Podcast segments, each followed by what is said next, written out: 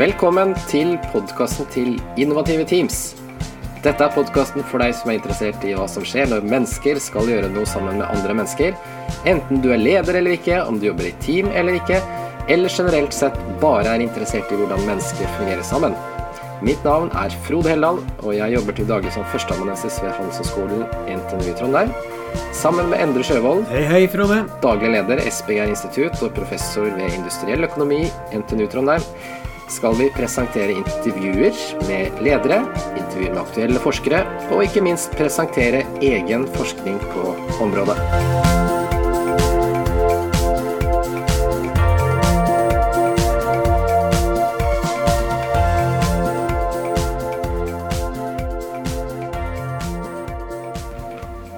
Ja, da ønsker jeg velkommen til eh, Trond Kongsvik. Jeg har fått besøk av eh, forfatteren av boka 'Endringskynisme'. Trond, kan ikke du si litt om eh, hvem du er og din eh, bakgrunn? Jo, eh, Trond Kongsvik heter jeg. da. Jeg jobber jo på NTNU, jeg også. Eh, jobber på Institutt for industriell økonomi og teknologiledelse. Eh, og jobber da med sikkerhet sånn stort sett nå. Eh, men har jo jobba mye med endring og endringsledelse tidligere. blant Bl.a. gjennom eh, doktoravhandlinga mi, men også gjennom publikasjoner senere. Og, og kanskje også spesielt denne boka 'Endringskynisme', da, som vi skal snakke om i dag. Ellers så har jeg jo bakgrunn fra psykologi og sosiologi sånn stort sett. Ja, Så du er psykolog, da, eller?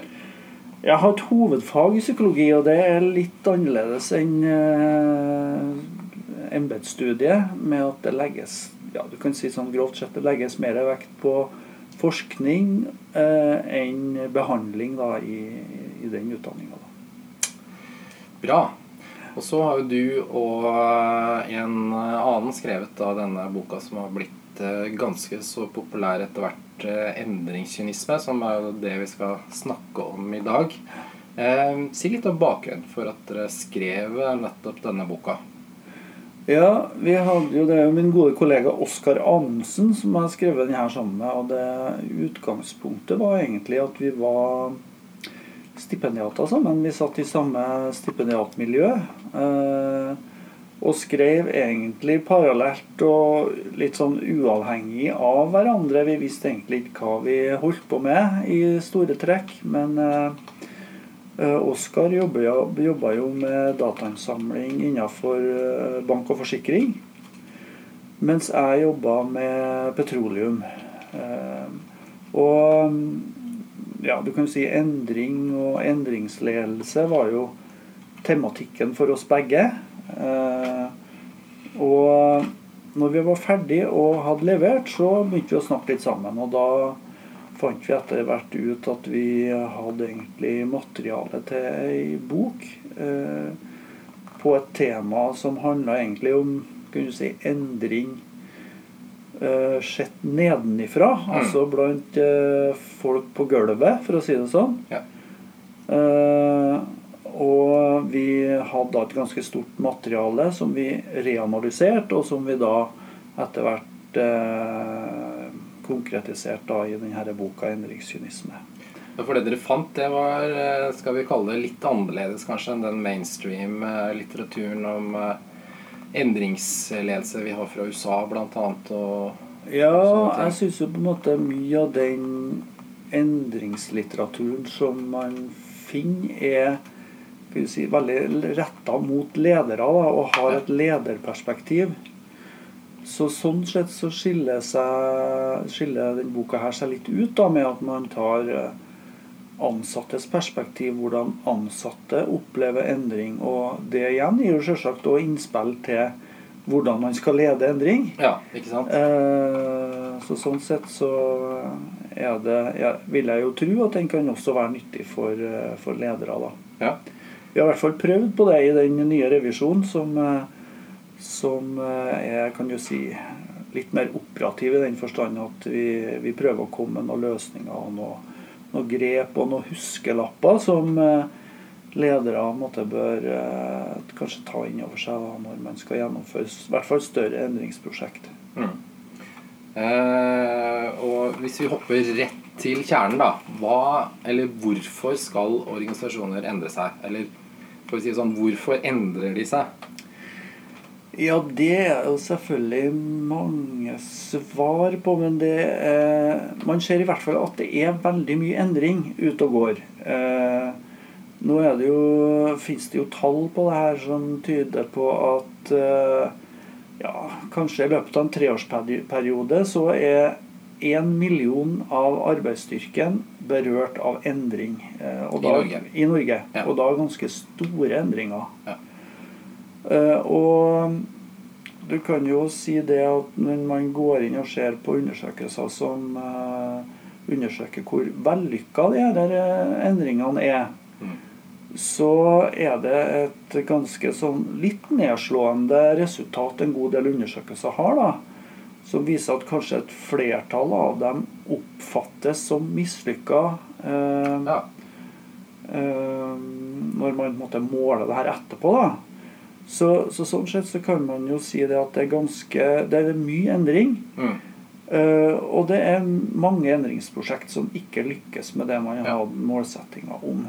Men Du var litt inne på forskjellen mellom ansatte og ledere i stad. Når når endringsprosjekter skal vurderes, eh, hvem er det som vurderer dem? Er det de, ser man på de, hvordan de ansatte har oppfatta det, eller er det lederne, eller eh, hva var det? Ja, det kan man jo gjøre på forskjellige måter. Men mm. en måte å gjøre det på er jo selvfølgelig å spørre de ansatte. Mm. Eh, men så går det jo an å se på mer sånn, kan si, litt mer objektive resultatevalueringer. og Se på måloppnåelse i forhold til Sparer man penger, blir det større effektivitet osv. osv. Så videre, så sånn at eh, det er nok òg eh, litt vanskelig å måle i noen sammenhenger. fordi at kanskje eh, kan de positive resultatene først manifestere seg mange år etter at man mm. har gjort det her. Nav-reformen f.eks., som mange har vært veldig kritisk til. Eh, men som eh, man tross alt kanskje får en god del gode resultat fra over tid. Ja.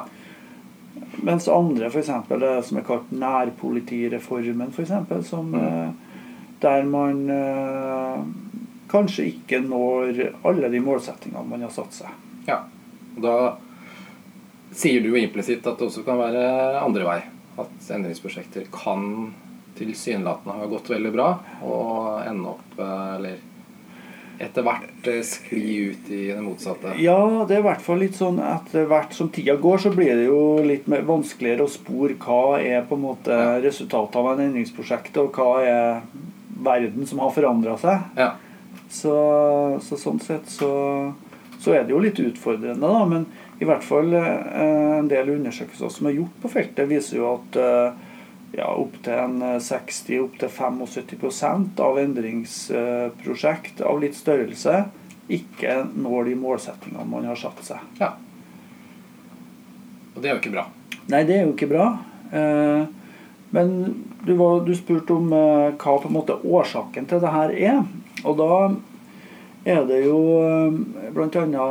Kjell Arne Røvik i Tromsø som har ser litt på det her i et eh, kan du si, moteperspektiv. da.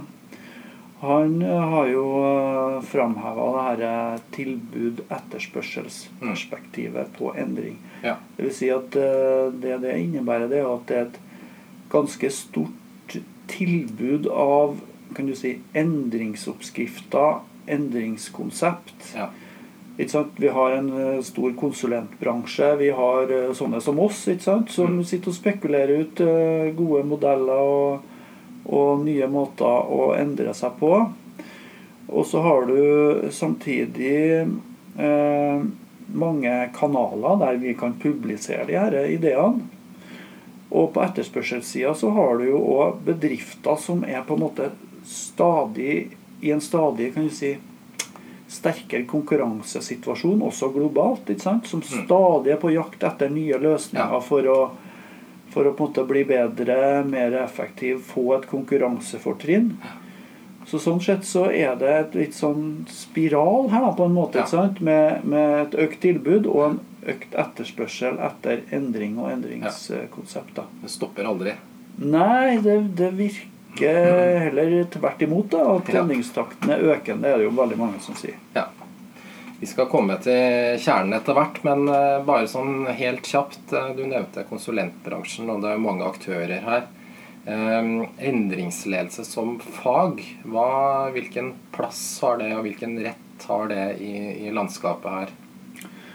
Ja, jeg tror på en måte at eh, faget er, er veldig viktig, da. Og det har en sånn Jeg tror Og at det er viktig i forhold til det at man må tenke ganske nyansert i forhold til endring. Det som man kanskje kan være litt kritisk til konsulentbransjen da, i forhold til det, gjelder egentlig at man ja, man skal på en måte ikke skjære alle over i en kam, men altså, det kan være en tendens til at man ser på endringskonsept mer som en type sånn hyllevare. da. Ja.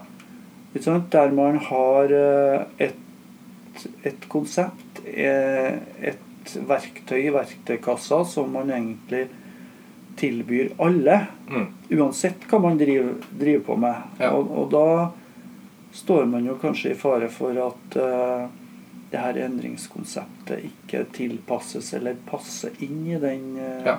Virksomheten det skal inn i. ja, riktig. Så det er stor forskjell på ja, kan du si Telenor og Ja. NTNU, for Ja. å ta to eksempel. Ja. For det er skreddersøm eh, vi snakker om? eh, Ja, egentlig Ja. så, så tror jeg at det er et sånt eh, viktig grep da, som eh. Der endringsledelsesfeltet har en rolle å spille. Da, og det Ja. har noen perspektiv tror jeg, som på en måte er litt viktig å ta inn over seg. da. Bør man bruke konsulenter? Ja, det tror jeg absolutt. At Ja. eh, konsulenter har, eh, har eh, veldig mye flinke konsulenter. Ja. Og så tror jeg også at det er viktig at man inkluderer ansatte veldig tydelig i større, større endringsprosjekt. Det er litt av hovedargumentet Ja. vårt i denne endringssynismeboka. At eh, man kan kanskje ikke overlate det her å outsource endringsarbeid eh, til konsulenter 100% det er en veldig farlig vei å gå. Ja. Ja, nettopp. Og nå begynner vi å komme litt i kjernen. Eh, Hvis vi går rett på eh, begrepet endringskynisme. Hva er endringskynisme, Trond Kongsvik? Jo, nå skal du høre. det vi Det vi etter hvert kom fram til, det var at endringskynisme består av fem elementer eller fem klynger av oppfatninger som ansatte har rundt endring. Det, det var på en måte minste felles multiplum som vi kom fram til når vi intervjua ganske mange informanter i de her eh, store virksomhetene. Mm. Og Da var det ansatte eh, og ledere, eller bare Eh, ansatte? Det var i all hovedsak eh, menige ansatte, Ja. Mm. som, vi, som du kan si er mottakere, Mottakere, ja. av endring. da. Ja. Og, og det, den første klyngen av oppfatninga har vi kalt for endring for endringens skyld. ja. Og det handler egentlig om at man, eh, mange oppfatter at de endringskonseptene som kommer, og de prosjektene som gjennomføres, er Det ligger noe rituelt i det. altså At man har eh, At det er noe som gjennomføres uten eh, noe særlig annen hensikt enn det om å gjøre noe nytt i seg sjøl. ja. Litt sånn lederne vil gjøre noe Ja. fordi de vil gjøre noe, på en måte? Ja, Ja. ja det, det er noe med det. Og det, I Forsvaret snakker man jo om bataljonssjefsyndromet. Vet du har hørt Ja. om det? Ja.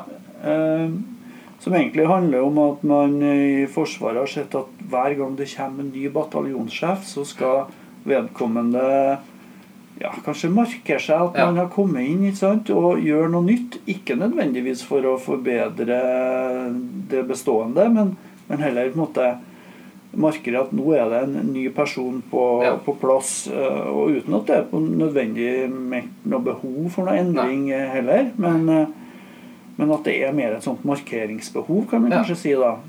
Det er litt som hannløver som tar over en ny flokk. At de, Ja. de dreper. De, de initiativene som er der, og vil ha sine egne. Ja. Ja. Og den andre klyngen av oppfatninga har vi kalt for resirkulering av ideer. Ja. Eh, og i det så ligger det oppfatninga om at her er det her er det egentlig noen gjentagende oppskrifter som går igjen. altså Det er på en måte et sånt uh, sirkelmønster her. altså uh, uh, Der man egentlig skifter litt mellom et ganske sånn begrensa antall grunnideer. da. Ja. Sånn at klart Hvis man har jobba 40 år i en virksomhet, så, så ser man kanskje at noe nytt kommer inn. eh, og at man kanskje har vært borti noe tilsvarende før. Eh, Ja. Og at eh, at det er på en måte egentlig gamle ideer i litt ny innpakning. ja. Mm. Hva, si litt mer om hva det betyr. Er det, er det igjen lederne som føler behov for å gjøre noe de ikke helt har kontroll på, eller er det at man ser andre gjøre noe som man syns ser bra ut, eller hva, Ja, hva det, tror, i det? det, det gjør det nok. For det, det er jo et sånt uh, Mange som har anvendt et sånt moteperspektiv på Ja. det her, da. Mm. Og vi kjenner jo til hva mota innebærer. ikke sant? Det er jo noe som kommer og går. Ja. Og vi ser jo f.eks. her med Nå er jeg ikke sånn eh, inn i motebildet for tida, men altså jeg tenker det her med slengbukser, Mm. eh, platåsko Altså det er, jo, det er jo ting som på en måte har vært eh, populært på 1970-80-tallet, Ja. og som på en måte har kommet tilbake. ja, nettopp. Ja. Eh, men på en måte i Kanskje med en liten tvist på. Mm. Så du kan på en måte ikke ta fram eh, platåskoen din fra 70-tallet og bruke eh, i 2020. Nei. Eh, men det er gjerne på en måte en liten tvist på det. da. Ja. Og sånn kan det jo være med en del endringskonsept. At, at eh, Jeg tenker åpne kontorlandskap, f.eks. Ikke noen ny idé, det. Det var jo veldig populært, eh, særlig på begynnelsen på 1970-tallet. Ja. Eh, Og hvis man ser på argumentasjonen for det, så er, det, er den egentlig veldig lik sånn som den er i dag. Skal øke kommunikasjon, samhandling mellom folk. Men eh, på 70-tallet så gikk man jo etter hvert eh, bort ifra det. Og eh, det skal ikke forundre meg om at det skjer også eh, med åpne kontorlandskap nå. Ja, ja. Det er jo kjempespennende. Så Ja. det vil vi jo se. Men bare sånn litt tilbake til kjernen av Ja. i, i, Ideen her er jo at dette er Til forskjell fra kanskje vanlige moter, så er det jo dette noe som Eller kynismebegrepet innebærer jo at dette nødvendigvis ikke er noe ansatte liker, eller Nei altså, eller nei, altså det er jo en sånn oppfatning av litt sånn kan vi kalle det keiserens nye klær. da, ikke sant? Ja. At det er Mm. At det er noe som ikke nødvendigvis føles veldig nyttig. Ja. Eh, heller kanskje det motsatte. Mm. Så det resirkulering av ideer var den andre klynga. Den tredje klynga har vi kalt for praksisfjerne løsninger, som er egentlig en sånn oppfatning om at eh, de nye løsningene som kommer, gjerne nedenfra, nei, ovenfra og ned, eh, de er egentlig laga av folk som har liten driftsforståelse, liten praktisk forståelse av hva man egentlig sjøl holder på med. Eh, og sånn sett så ser man heller ikke helt så nytten av det. da, Man klarer på en måte ikke å oversette til, til egen, eh, egen virksomhet. ja. Hva er bakgrunnen for det? Eh, nei, det kan jo være Det vi peker på, da, det er jo at peker på dårlige oversettelser av Ja. endringskonsept. Ja. Dårlige tilpasninger, som vi var så vidt var innom i sted. Ja. Eh, og kanskje også et tegn på at man ikke har inkludert ansatte i denne oversettingsprosessen. ja, riktig. Så den fjerde klyngen av oppfatninger har vi kalt for manglende synliggjøring av resultat. Som er egentlig I det så ligger det en oppfatning om at man eh, man hopper på nye endringsprosjekt uten å på en måte ta lærdom av det man nettopp har vært igjennom. Ja. Så man hopper lett fra det ene til det andre uten å egentlig oppsummere, eh, gå gjennom hva, Hva lærte vi av, av det vi nå har vært igjennom? Er det noe vi bør ta med oss videre? Er det noe vi ikke bør gjøre? Er det noe vi Ja. bør gjøre mer av? Og så videre. Så det kan lønne seg å rett og slett ta en fot i bakken og, og Ja, og- stabilisere, eller eh, Ja, ja. refreeze, som Kurt kalte ja. det. Mm. Og så den siste klyngen av oppfatninger som nå var ganske gjennomgående, det var det vi har kalt for pseudomedvirkning. Eller det, i det så ligger det jo at det er en sånn type liksom-medvirkning. Da, at man, man opplever at uh, det her, her innføres uten reell medvirkning, innflytelse fra ansatte, sjøl om man på en måte kanskje blir spurt gjennom noe tillitsvalgte eller Mm. eller At det er litt eh, sånn skinnprosess. at det er mer en skinnprosess, at man kommer veldig seint inn i prosessen. er det jo veldig mange som sier? Ja. når kortene er lagt. Ja. eh, Og, og Så det blir et spill for galleriet, litt pygg på kaka, ikke sant? Ja. Eh, uten at man føler at man har noen reell påvirkning på det som, eh, Ja. Det som skal skje. Så det er egentlig kjernen i endringskynismebegrepet. Sånn totalt sett så eh, Altså det her er jo oppfatninger, opplevelser blant de ansatte. Mm. Men denne type oppfatninger og opplevelser gir en kan du si, generelt en sånn kynisk innstilling til endring Ja. sånn generelt. ja. Og gjerne at man skjærer alle endringskonsept, endringsforsøk over én kam. Og blir på en måte veldig lite mottakelig for, for endring. da, At man Ja. har liten endringsberedskap. Det er jo et Ja. faglig begrep rundt det her. da.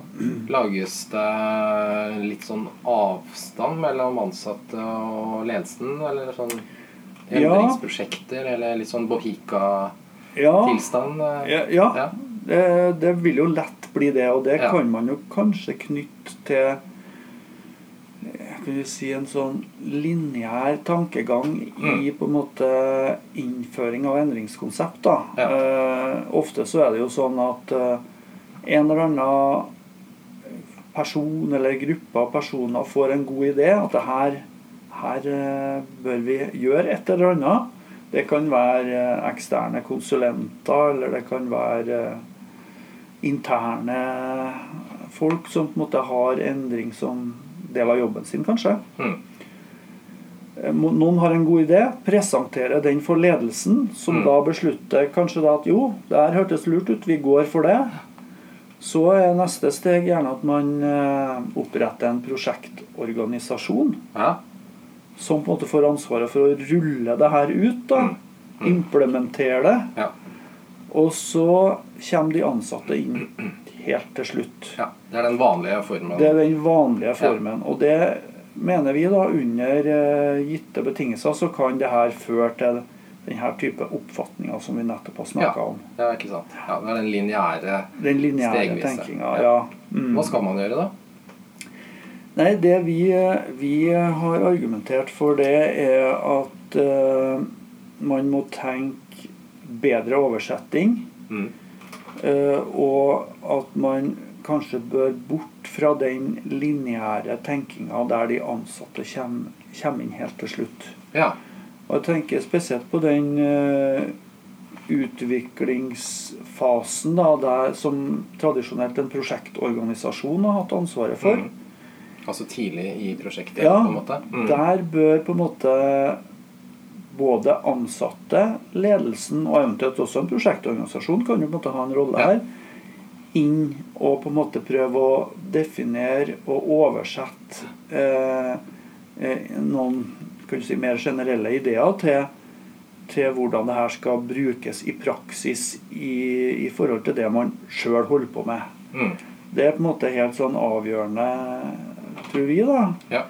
I forhold til det å skape forankra Ja. endring og forankre endringsprosesser.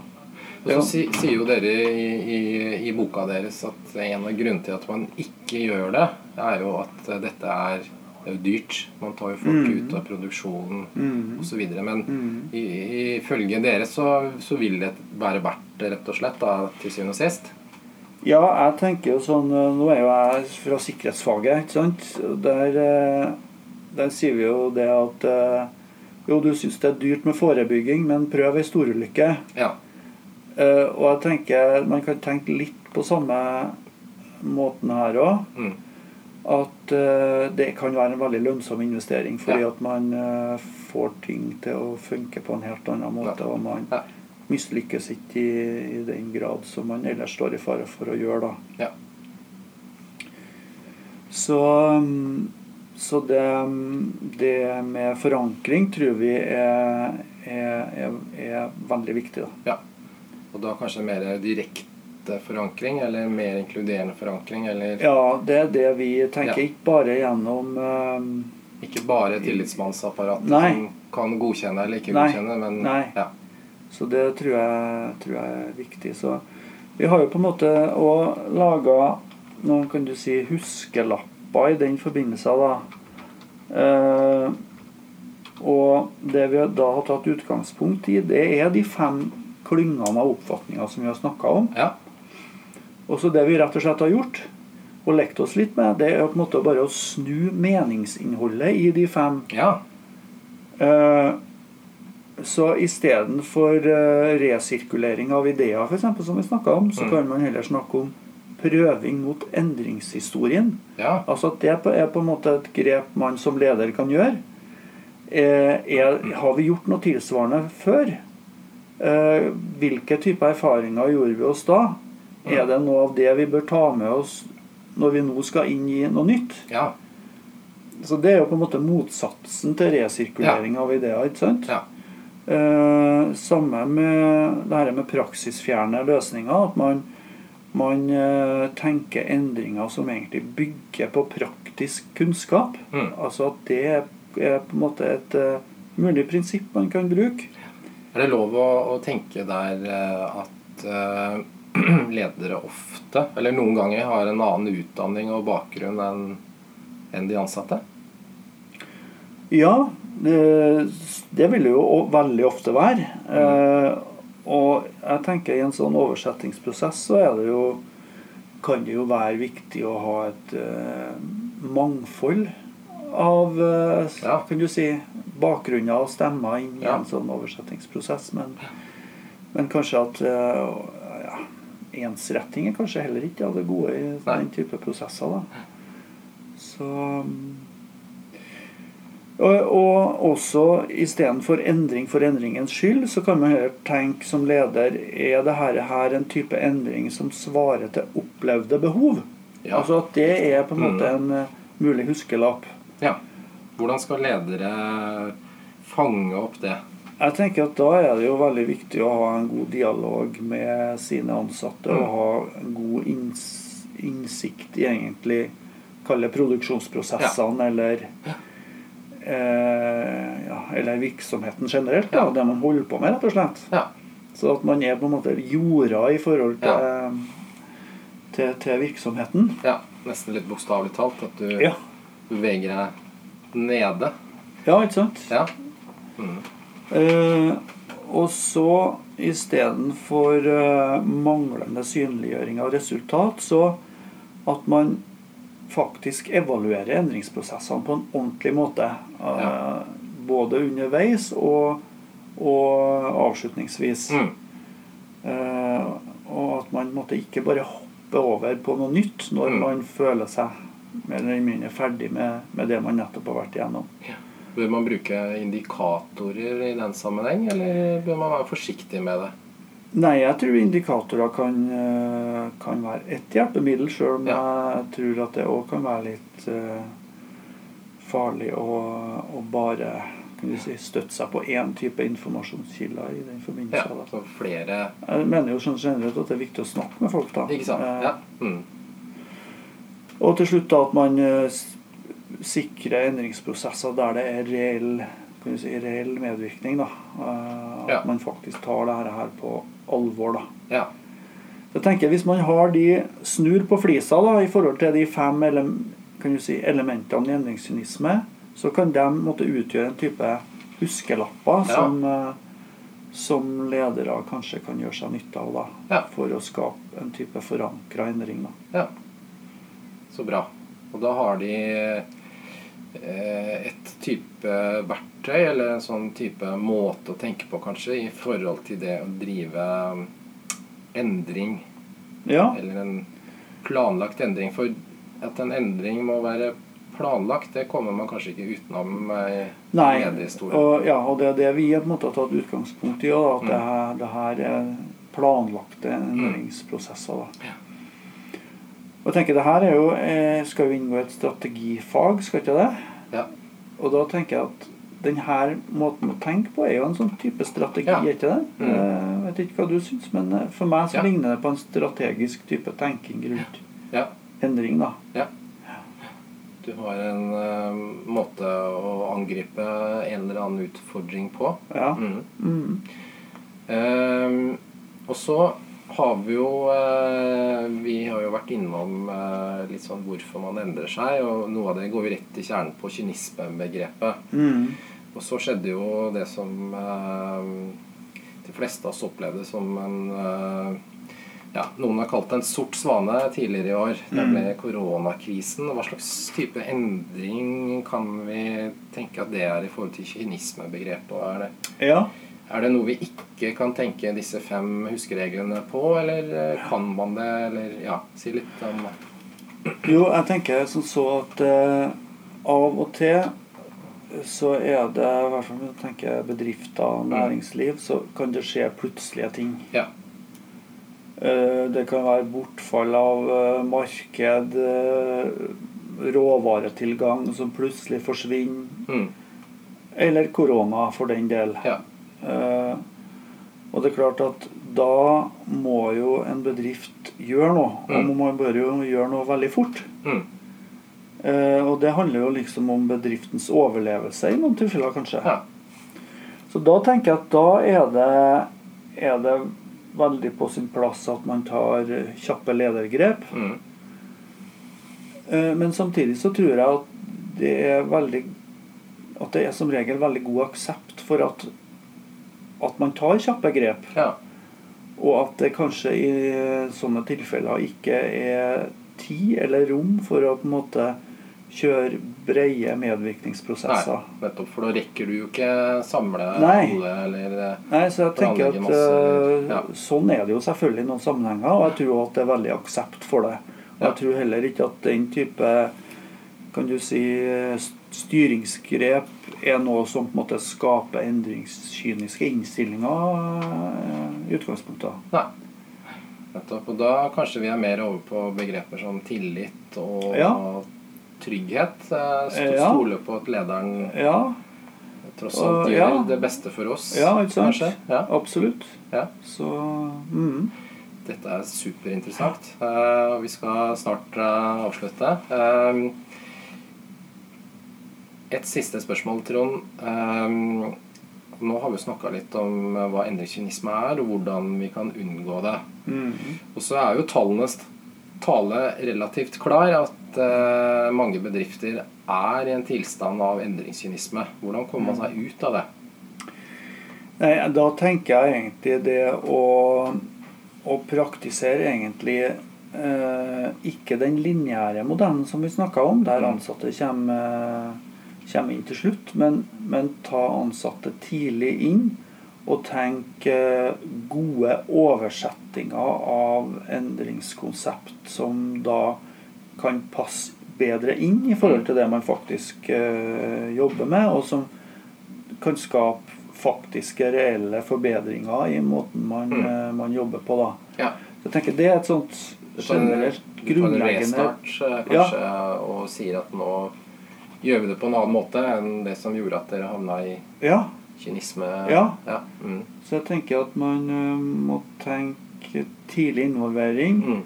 Ikke tenk lineært eh, i, i innføring av endringskonsept, men, eh, men eh, se på det denne utviklingsfasen og oversettingsfasen som på en måte Mm. et felles anliggende for ansatte og ledelse. Mm. Det tror jeg på en måte er en sånn Ja.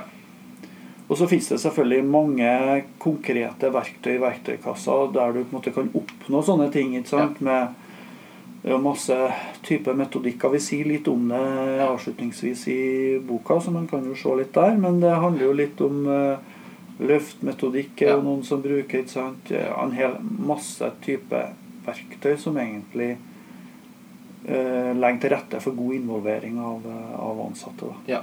Og bare for å ta det, når du sier lineært, så henviser du jo da egentlig til ganske sånn kjente og brukte modeller som f.eks.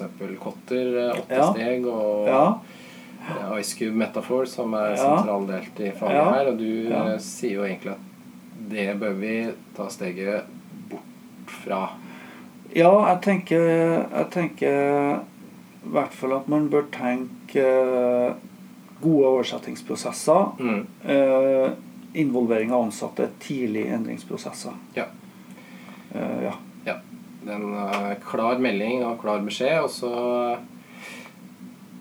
syns jeg vi skal tenke at eh, det er klare og fine meldinger i et eh, i hvert fall faglig landskap som er eh, utfordrende. Og dette med linearitet og ikke-linearitet er jo noe vi kan filosofere lenge om, og det skal vi ikke gjøre nå. Men eh, jeg tror vi sier eh, tusen takk. Eh, har du noen bevingete ord på tampen? Uh, nei, jeg må bare si takk for at jeg fikk komme. Og så tar jeg veldig gjerne imot uh, tilbakemeldinger på Ja. uh, boka, eller spørsmål for den del, hvis det er noen som brenner inn med et eller annet. Ja.